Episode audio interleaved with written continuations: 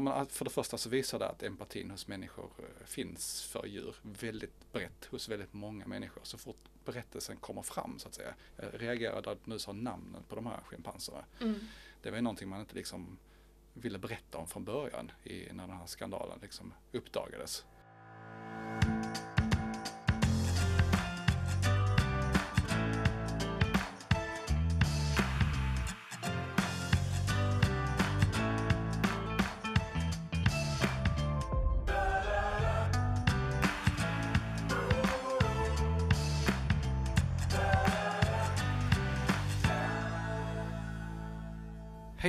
Hjärtligt välkomna till Djurens Rätts podd På djurens sida.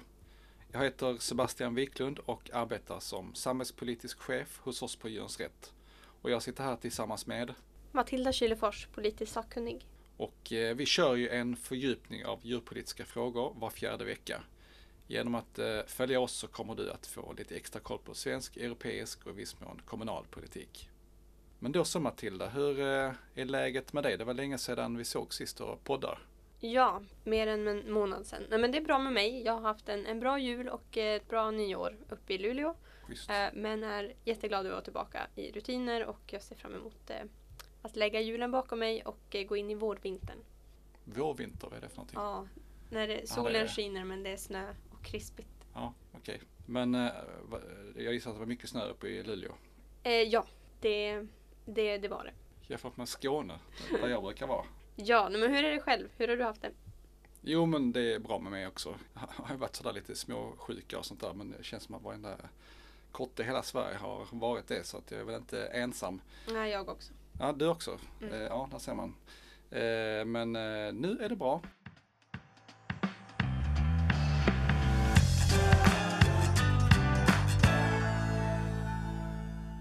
Har du några sådär snabba frågor som du vill ta med dig Ja, för lyssnarna som Jag tänkte- att ehm, jag kan ju direkt hoppa in i att det som har förändrats sen vi poddade sist är Mm. ju att nu är Sverige ordförandeland i. EU som Ja. det kallas. Eh, så jag tänkte att jag lite snabbt skulle bara dra igenom så att de lyssnare som inte har koll får lite mer koll helt enkelt. Och då är det som så att ordförandeskapet pågår i sex månader och eh, roterar mellan medlemsstaterna. Och senast Sverige var ordförandeland, det var 2009. Och ordförandeskapet gäller då Europeiska unionens råd, som även kallas ministerrådet, och eh, innebär att, eh, att ordförandelandet planerar och leder arbetet där samt företräder ministerrådet i förbindelserna med de andra institutionerna i EU. Deras uppgift, alltså ministerrådet, är att stifta lagar tillsammans med Europaparlamentet och eh, rådet består liksom av ministrar från medlemsländernas regeringar och där vilka ministrar det rör sig om beror på vilka frågor som ska förhandlas. Så om det ska snackas jordbruksfrågor så dyker respektive lands landsbygdsminister eller motsvarande upp. Eh, och ja, de håller ofta sina möten i Bryssel och regeringen stämmer inför de här mötena av frågorna med riksdagen. Eh, och närmare bestämt eh, riksdagens EU-nämnd. Mm. Så lite så funkar det. Ja, det var ju, vad heter det, uppstarten var ju det här, det var ganska uppmärksammat att eh, regeringen och kommissionen möttes uppe i Kiruna så lyssnarna vet Precis. vad det, vad det handlar om. För det är inte så ofta som man har ordförandeskapet. Jag tror det är tredje gången som Sverige har det Ja, under hela sin historia i EU. Så att mm, det är stämmer ganska bra. unikt. Så jag hoppas att det kan bli mer EU-fokus. Jag tycker Sverige är lite dåliga på det allmänt. Ja, absolut. Jag tänker också, eh, det hänger ihop också med hur media bevakar och sånt där. Liksom, eh, hade önskat verkligen att fler hade gjort det. För att det, det, det, hur mycket är det utav svenska lagar som är Ehm, lagar i Sverige? Så är Ungefär hälften. Hälften, ja det är Ja. helt otroligt. Och så Ja. diskuteras det så lite. Och eh, bland våra frågor så är det ju väldigt tydligt nu att det är mycket djurpolitik som kom från Mm. EU. Det skulle kunna vara stå stilla också men det gör det ju inte nu. Nej, nej, precis. Och vi kan ju säga det att nu under första eh, halvåret under Sveriges ordförandeskap så har man kanske inte jättemycket svängrum att eh, sätta fokus på, på de frågor man liksom, eh, själv önskar och sådär. För att det, Mm. det är långt in på mandatperioden och mycket kriser och så vidare. Men Nej, men det finns ingenting heller väl på agendan så. Men, nej, inte riktigt. Utan jag skulle säga att eh, ja, vi väntar ju på eh, kommissionens förslag som de just nu jobbar jättehårt med. Eh, som kommer komma under kvartal tre och fyra Ja. nu i år. Så att eh, ja, till viss del så får vi liksom sitta ner och, och vänta på att eh, få kika på dem. Men man kan ju alltid ta egna initiativ och driva Mm. saker framåt och sådär också ju. Men, eh, ja men det, det har du rätt i. Men vi, jag har ju också träffat eh, några kollegor till oss från spanska Equalia. Som Mm. är Spanien de som ska ta över ordförandeskapet efter oss senare. Precis. Så att eh, jag tänker att det finns en typ av kontinuitet hur vi driver och eh, vad vi lämnar över till dem. Så att Mm, absolut. vi är med. Ja, och Mm. under Spaniens ordförandeskap så är det också viktigt att man är, är på tårna eftersom Mm. att det blir eh, val till Europaparlamentet och sådär i Precis. 2024 så att eh, få snabba på. Ja, ja, men man kan säga det till lyssnarna att eh, nu blir det ju ganska mycket EU. Alltså först ordförandeskapet och senare kommer kommissionen Mm. fram med eh, förslag till lagstiftning och senare nästa år så är det EU-val till parlamentet och så. Så att det kommer att vara mycket av det nu en tid framöver. Ja, precis. På tal om det lite grann, om vi kollar på hemmaplan så vill jag bara snabbt rapportera om att ehm, vi väntade ju på direktiv Mm. för en djurvälfärdsutredning Just som det. nämndes i Tidöavtalet. Och landsbygdsminister Peter Kullgren sa i höstas att det skulle vara klart innan årsskiftet. Men nu vid poddtillfället i alla fall så har jag inte sett skymten av någonting. Nej, Men eh, men vi har inte förhoppningsvis glömt så... den. Nej, det har vi inte. Nej. Vi håller ögonen på det och Ja. har säkert anledning att återkomma till det. Men då undrar jag, vad har du för spaningar sen sist? Ja men eh, lite saker som har hänt i det här, jag tänkte det här fruktansvärda av eh, alla hönor som har tvingats avliva på grund av att man upptäckte eh, salmonella. Det är ju inte klokt och det är inte första gången heller liksom. Det händer ju hela tiden, det är som att det liksom är en del av själva industrin håller på på detta sättet. Ja men det som också kan sägas då att den här fabriken då i Mönsterås som, som inte rapporterades eh, utav eh, eh media vad jag kunde se eh, är att det är ju eh, andra gången på ganska kort tid eh, liknande sak har skett. Nu var det frågan om eh, salmonella utbrott medan eh, 2021 så hade de ett utbrott av eh, fågelinfluensan. Så det verkar ju vara inbyggda systemfel här som gör att detta återupprepar sig gång på gång. Ja, men, hur konstruerar man de här gårdarna och hur stora är enheterna och sånt där. Jag ska bara ska komma in på siffrorna nu. Det är ju så att det också har skett ett debacle emellan eh, liksom, eh, eh, de som håller de här hönsindustrierna. Där de som är lite mindre då har gett sig på de som är större. För de i Mönsterås som vi pratar om har uppemot en två miljoner hönor. Det är ju helt otroligt. Alltså alla hör ju det att det är ohållbart på alla sätt och vis. Alltså djurskyddslagen till och med säger ju att man ska se till varje individ. Det finns ju inte en chans att man kan göra det liksom garantera eh, att de har, att de lever enligt lagen på det sättet liksom. Ja, och jag tänker media också, att de har ju ett, ett visst ansvar tänker Mm. jag. Att inte rapportera om det som Nej. ständiga så här, engångsföreteelser. Utan det börjar bli ganska tydligt att det, det är ett mönster. Ja men också det här perspektivet av att eh, eller att man glömmer bort perspektivet av att man liksom avlivar en jävla massa djur eh, Mm. i samband med det här. Det är liksom, eh, det räknas mer som en ekonomisk förlust. Inte liksom ett ofantligt djurlidande. Alltså det tänker jag också är liksom, några- alltså de kan väl ha lite olika vinklar på sina reportage men det är ju väldigt sällan detta här är med. Saknas verkligen. Visst var det 165? Ja, eh, så det är, ju, det är ju jättemycket. Men hur som helst, de som är lite mindre eh, ägare utav de här fabrikerna har ju liksom lite protesterat då och sagt att ja, men det handlar om att det är väldigt, väldigt stora enheter. Och det Mm. får jag ändå säga att eh, det håller jag med om. Men det är ju lite roligt i alla fall för de här ägarna själva. Den ena hade eh, 65 000 hönor och den andra hade 30 000 hönor. Så det är liksom, ja, det är ju det är mycket mindre enheter man måste få till liksom för att inte få det här storskaliga hur man, när man måste avliva liksom stora besättningar och sånt där i, samband med att eh, man upptäcker sjukdomar. Mm, precis, Nej, men det, vill, det driver ju vi, att vi vill se ett maxtak för Ja. antalet Ja. eh, individer och ehm, 100 djurenheter pratar vi då, Ja. vilket skulle vara 10 000 hönor. Ja. Så det vore ju ett bra första steg. Ja men en annan sak som eh, också har hänt är att det här kattregistret då äntligen har kommit eh, på plats. Tänk vad lång tid detta tog, men nu är det ju på plats. Djurens Rätt har kämpat för det här superlänge. Tillsammans med andra organisationer får man ju också säga. Men eh, ja, Jordbruksverket var ju inte riktigt helt förberedda på detta Nej. här. Och det brakade ju. Det, det, det la ju ner. Det var ju en nyhet bara det. det är väl ändå fint att folk vill registrera sina katter så att de Ja. har koll på dem och springer bort. En Så jättebra start på Ja, det, jag. precis. Bra handling. Och att eh, folk vill göra rätt dessutom. Superkul. Och jag tror säkert de anställer någon tekniker till så att det inte Ja. brakar, eh, brakar sönder på nytt.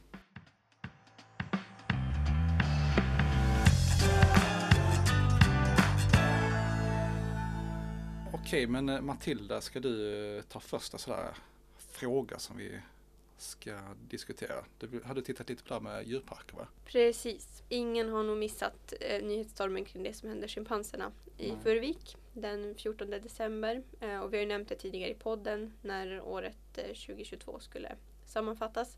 Eh, men vi tänkte om vi kunde ta upp det idag och liksom gå igenom det lite mer från ett politiskt perspektiv och Mm. vad vi vill se för förändring. Så bara för att sammanfatta eh, de scenerna som utspelade sig så var det då fem schimpanser som rymde från sitt hägn på Furuviksparken utanför Gävle.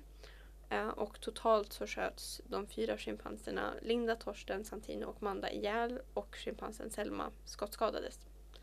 Eh, och det här blev ju en stor nyhet i Sverige men eh, det togs sig även internationellt. Och ja, det har ju med all rätt debatterats mycket om själva hanteringen. Men vi vill ju att man ska se det här ur ett större perspektiv för att då blir det här bara liksom ett, ett tydligt symptom på att någonting är fel i grunden och att vi måste komma bort från att stänga in djur i bur helt enkelt. Mm. Eh, och vår kollega Anna Harenius som arbetar som sakkunnig etolog har varit med både i Morgonstudion och i Aktuellt eh, i SVT. Och i Aktuellt så debatterade hon mot eh, Jonas Wahlström från Skansen-akvariet. Och då sammanfattade hon det väldigt bra tycker jag. Så jag tänkte att vi kunde lyssna på det. Mm. Så här lät det. Ja, men det är jätteviktigt att lära sig om djur, men man ska inte lära sig om djur i en fångenskap, i bur. Vi ska inte lära oss att det är rätt att göra så mot djur, de vi lever med. Utan vi ska lära oss om djur på sätt vi kan i skolan, eh, med de tama djuren. Eh, Och sen har Djurens Rätts riksordförande Camilla Bergvall i Aftonbladet även hon debatterat med Skansen-Jonas eh, och då lät det så här. Ja, nej, men vi ser att det artbevarande och utbildningssyftet som ofta lyfts i samband med djurparker, det går ju att göra på så mycket bättre sätt. För vad vi, vad vi lär barn om empati med djur när vi, ser, när vi visar upp dem instängda i djurparker, det blir motsatsen till det här empatiska förhållningssättet vi vill att barn ska kunna få med djur. Så vi ser många bättre alternativ till de syften som djurparkerna påstår sig fylla idag. Det kan vi göra på mycket bättre sätt som utgår ifrån djurets intressen och behov och inte ifrån människans eh, intresse av underhållning eller den typen. Så det finns mycket bättre sätt att, att jobba där djurens intresse står i fokus. Jag tänker att jag behöver inte repetera det Anna och Camilla så väl har formulerat. Så frågan vi går över till är ju då vilken politisk förändring vill vi se framöver? Eh, Så Sebastian, vad är Djurens Rätts drömscenario här? Ja men det är ju det som eh, Camilla är inne på att det liksom inte liksom går, går att förena de här sakerna så att eh, vi vill ju gärna se att man eh, helt och hållet ifrågasätter djurparkernas eh, existens på det sättet som de, som de ser ut helt enkelt. Precis. Och om det inte går, vad är alternativa vägar framåt? Ja, eh, ja du tänkte rent politiskt då? Ja, precis. Något som politiker Ja, kan okej, driva så man, på. man på något sätt hamnar realistisk sätt att liksom komma Mm. på hur man ska liksom, ja okej, men då, ja men då skulle jag väl lyfta någon typ av positiv lista. Mm. Ja men då kanske jag ska säga någonting också vad en positiv lista är. Det är ju att man definierar vilka djur som på en djurpark skulle kunna eh, få lov att finnas. Och allt annat då som man inte hittar på liksom nya djur som man tycker är spännande att stänga in liksom Mm. för att ha på en djurpark eh, så att säga. Så att då, ja men då tänker jag mig att då försvinner ju de här djuren som, eh, ja men schimpanser i det här fallet liksom. Exotiska precis. djur som absolut inte eh, funkar att ha i sådana miljöer liksom. Nej, men precis. Inga schimpanser eller andra Nej. primater vill vi Nej. se på en sån lista. Och eh, ja men det är verkligen så realistiskt politiskt förslag man skulle kunna lägga. Ja, verkligen. För jag såg att DN hade skickat ut en enkät Mm. till samtliga riksdagsledamöter. Och en majoritet av de som eh, svarade, de vill inte se schimpanser på svenska djurparker Nej. och de tycker att, att länsstyrelserna bör se över alla svenska djurparker Mm. och kontrollera att de faktiskt lever upp till kraven som Mm. ställs. Ja men alltså bara säga liksom, det, det handlar ju också om att eh, ja, men bara man får väldigt mycket allmänhet eh, med sig i en sån här mm. fråga. Så måste ju politiken göra. Liksom, till exempel, alltså, ingen skulle öppna ett delfinarie på nytt liksom, i Sverige. Alltså, eller sådana saker. Det finns ju, det är ju, det är ju konstigt bara. Så därför så borde man ju börja arbeta med en positiv lista så att säga. Så att man väljer bort det som är, som är helt orimligt liksom att ha på, på djurparker. Absolut. Jag kan säga det också att eh, intresset för de här frågorna brukar dyka upp titt som tätt mm. under allmänna motionstider och sådär. Och så även i höstas. För då mm, SD lämnade in en motion om att de vill se en rikstäckande översyn mm. av svenska djurparker.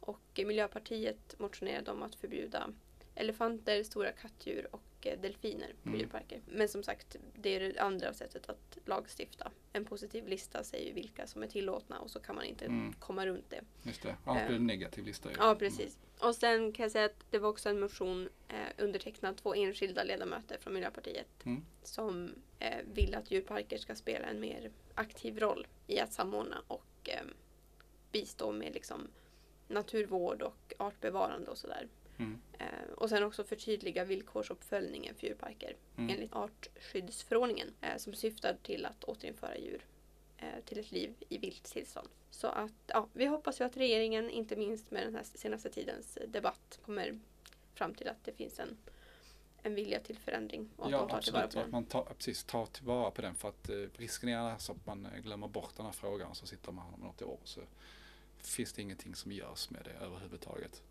Precis. Får jag säga en annan sak mm. apropå detta här? Ja, men den här frågan var ju inte en fråga som jag tänkte skulle liksom segla upp och bli superstor. Nej. Eh, men eh, det gjorde det. Det visar att, eh, men för det första så visar det att empatin hos människor finns för djur väldigt brett hos väldigt många människor. Så fort berättelsen kommer fram så att säga. Jag reagerade att nu sa namnen på de här schimpanserna. Mm. Det var ju någonting man inte liksom ville berätta om från början i, när den här skandalen liksom uppdagades. Nej. Att då liksom, det blir ju, ja, man blir, blir mer nära liksom. Nej, men jag såg inte att uh, detta här skulle vara det som skulle bli den stora, stora grejen liksom när det gäller uh, djurpolitiska frågor. Uh, så att, men, ja, man är fascinerad hur, vilken, vilken väg det tar liksom tills det blir, blir någonting stort. Mm, verkligen. Och sen skulle jag slutligen vilja lyfta någonting som Jonas säger i debatten mot Camilla. Mm. Eh, så om vi lyssnar på det först. Mm. Och hur ser det ut då i Sverige Jonas, om vi koncentrerar oss på det vi har i vårt land? Tycker du att de svenska djurparkerna håller måttet? Ja, det gör de. Vi har ju världens strängaste regler för djurparker som är utarbetade av Jordbruksdepartementet och, och Lantbruksstyrelsen. Eh, så att det gör de faktiskt. Generellt så har vi de bästa djurparkerna i världen. Sen är det olyckligt att så här många incidenter och olyckor har hänt under kort tid. Jag tänker på det här rättfärdigandet av industrier med argumenten att det är den bästa nivån jämfört med andra verksamheter mm. under mm. samma paraply. Um, vad säger det liksom egentligen? Uh, jag tycker det är en argumentation som du och jag Sebastian tyvärr är ganska tröttsamt vana vid vid det här laget. Eller vad säger du? Du menar att man jämför med andra länder? Ute? Precis. Ja. Som ja, att Sverige precis. skulle ha världens bästa djurskydd och ja. så vidare. Ja, nej, men det är lite så här att eh, djuren bryr sig liksom inte vilken mark de går på. De bryr sig om liksom hur de har det ja. och så vidare. Så att, ja, nej, men jag håller med. Men det, det, är, det är himla svår nöt att eh, knäcka liksom. Man eh, går ofta och eh, fantiserar om att just vi gör detta på allra bästa sätt och så mm. vidare. Liksom. Det är ju, så är det ju inte liksom. Utan eh, djur som sitter i bur är djur som sitter i bur. Precis, det är ju lite så man brukar motivera att man inte stänger ner minkfarmar. Att eh, då ökar efterfrågan i andra länder och det är mycket värre och så vidare. Men minkarna sitter ju fortfarande i trånga gallerburar här i Sverige. Så mm. att jag köper inte riktigt det där.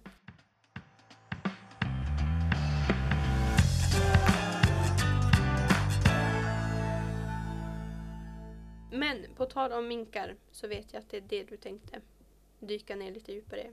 Ja men precis. Eh, för det har ju hänt en sak här eh, vid årsskiftet. Och eh, nu ska inte lyssnarna tro att de är oinsatta i detta här för att eh, vi, jag uppfattar nästan som att man har smygit fram detta här med att man har tagit bort restriktionerna som man la ifrån eh, pandemin vår etolog Anna Harenius kom på detta genom att hon var inne på Jordbruksverkets hemsida och såg att sidan för restriktionerna var borta. Ja, det var Eh, lurigt. Ja, det väl lurigt. Där får man ibland hålla på och arbeta. Men det kan jag förstå för det är ju lite kontroversiell den här frågan får man ändå säga. Att hålla minkar i, i bur. Eh, och eh, Jordbruksverket tänkte inte gå ut med det på, på något sätt. Och eh, ja, jag skulle bli väldigt förvånad om, om regeringen går ut med det också på något sätt. Eh, det, så det tror jag inte. Utan eh, det har smygits in helt enkelt att man har tagit bort eh, restriktionerna. Och jag vet inte ifall det är i samband med det, men eh, hur som helst så dagarna efter så gjorde ju Dagens Nyheter ett eh, ganska långt reportage om eh, ja, men hur det har varit de senaste två åren. Man var även i Danmark och tittade. Sen så intervjuar man också politiker Mm. de ställer sig i frågan. Eh, har, har du läst? Jajamän. Ja. Ha- Några sådana första intryck eller? Ja, nej men eh, jättekul att en tidning som DN eh, väljer att lyfta det här. Ehm, vad tänkte du? Ja, men jag fastnar för ett eh, par saker som jag tänkte eh, ta fram här.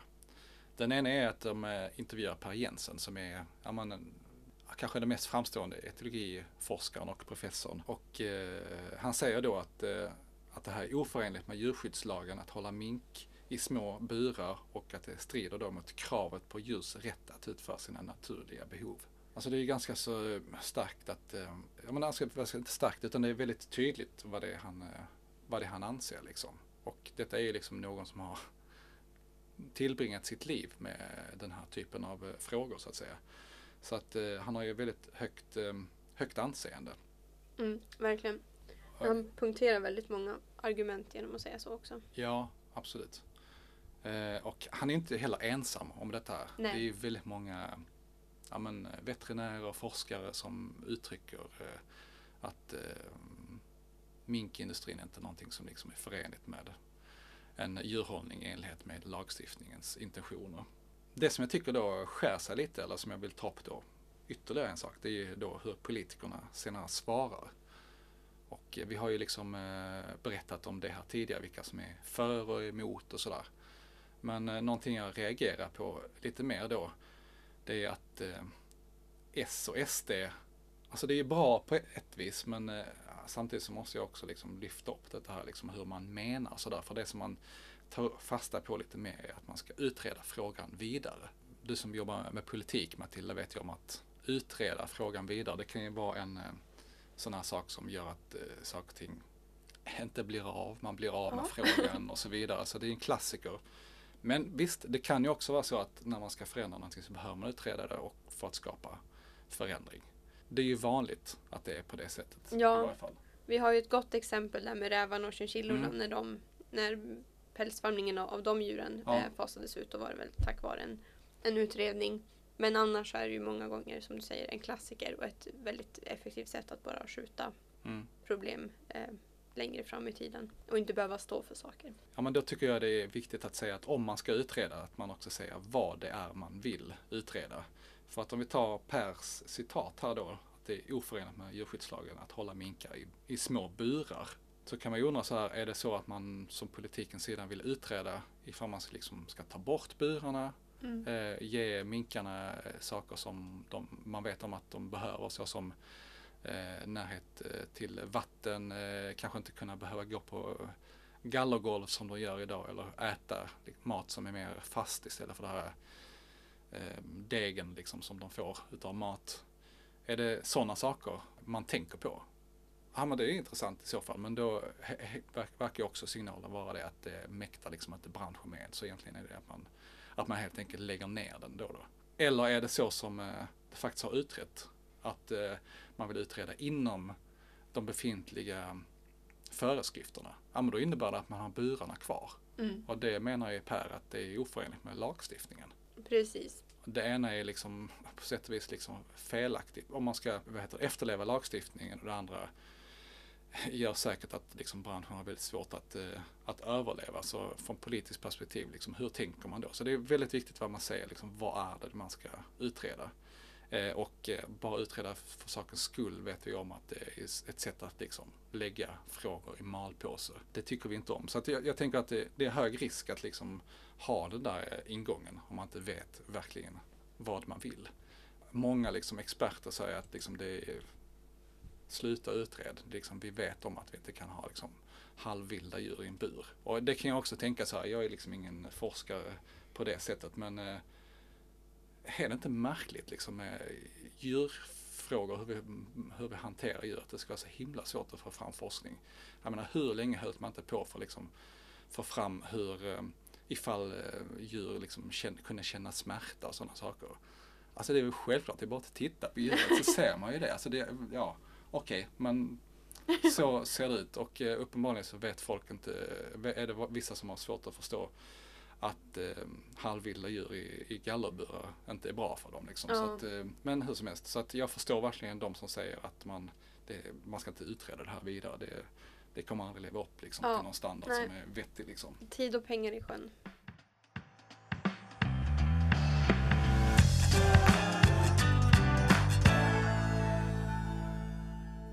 Ja, men jag har faktiskt, jag tänkte på en sak. Jag har tips till de mm. som vill utreda vidare. Låt höra. Vänd blicken mot Europa, eller närmare bestämt EU. Mm. Vi driver ju den här ECI nu och eh, ECI, ska du berätta vad det är? Ja, ett europeiskt medborgarinitiativ och det här heter For Free Europe. Och vi, eh, nu när vi satte oss här i studion så hade vi uppnått 1,3 miljoner ja. namnunderskrifter. Vi kommer i mål med detta kan vi säga.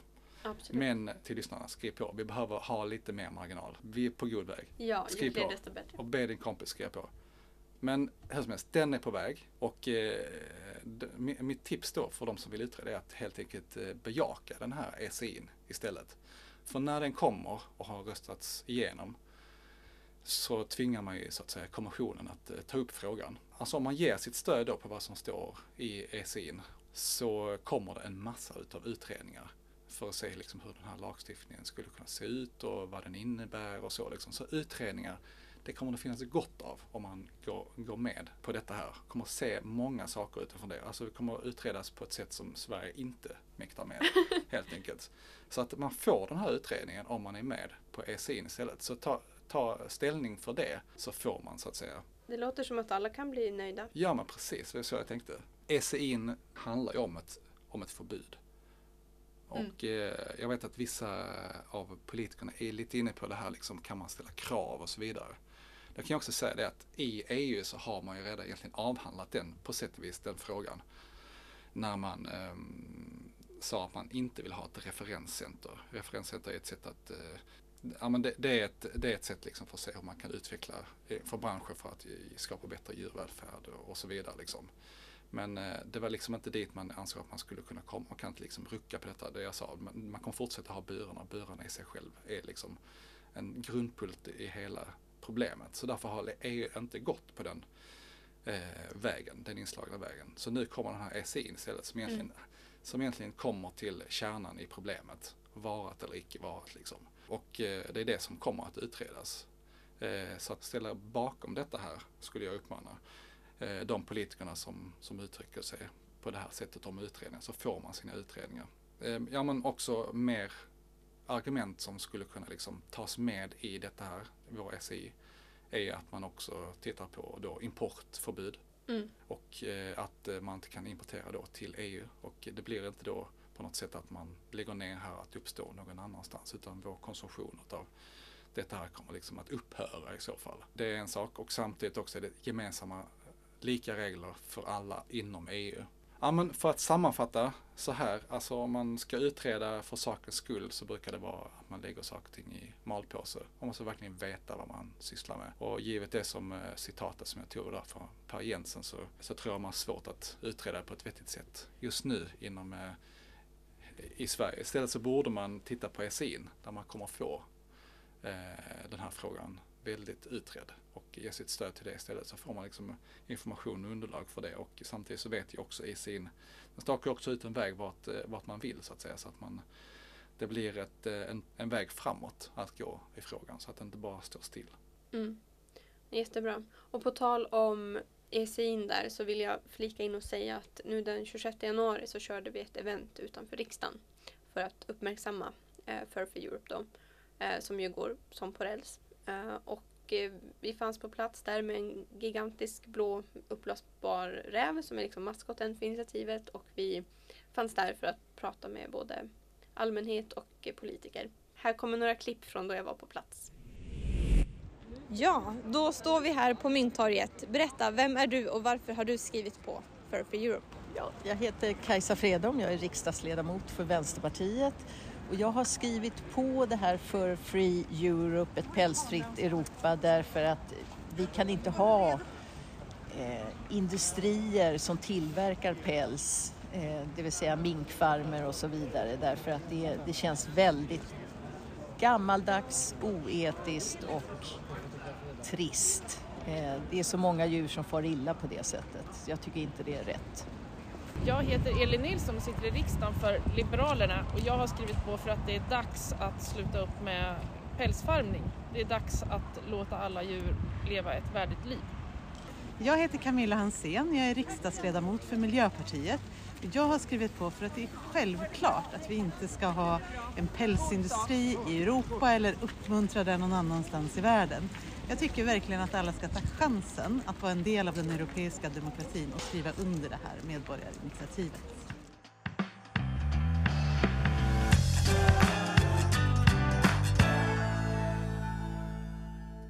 Ja, och med det så börjar det väl bli dags att avrunda. Och eh, som vi har varit inne på, om du som lyssnar inte har skrivit under ännu så gör det på djurensratt.se för free. Och det var allt vi hade att bjuda på idag.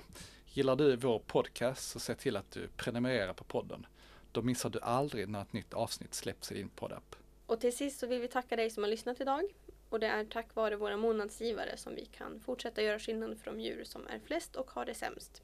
Och vi behöver din hjälp mer än någonsin. Så gå in på www.djurensratt.se medlem och bli månadsgivare idag. Ha det fint tills vi hörs nästa gång och tack för att du står på djurens sida. Hej då! Hej då!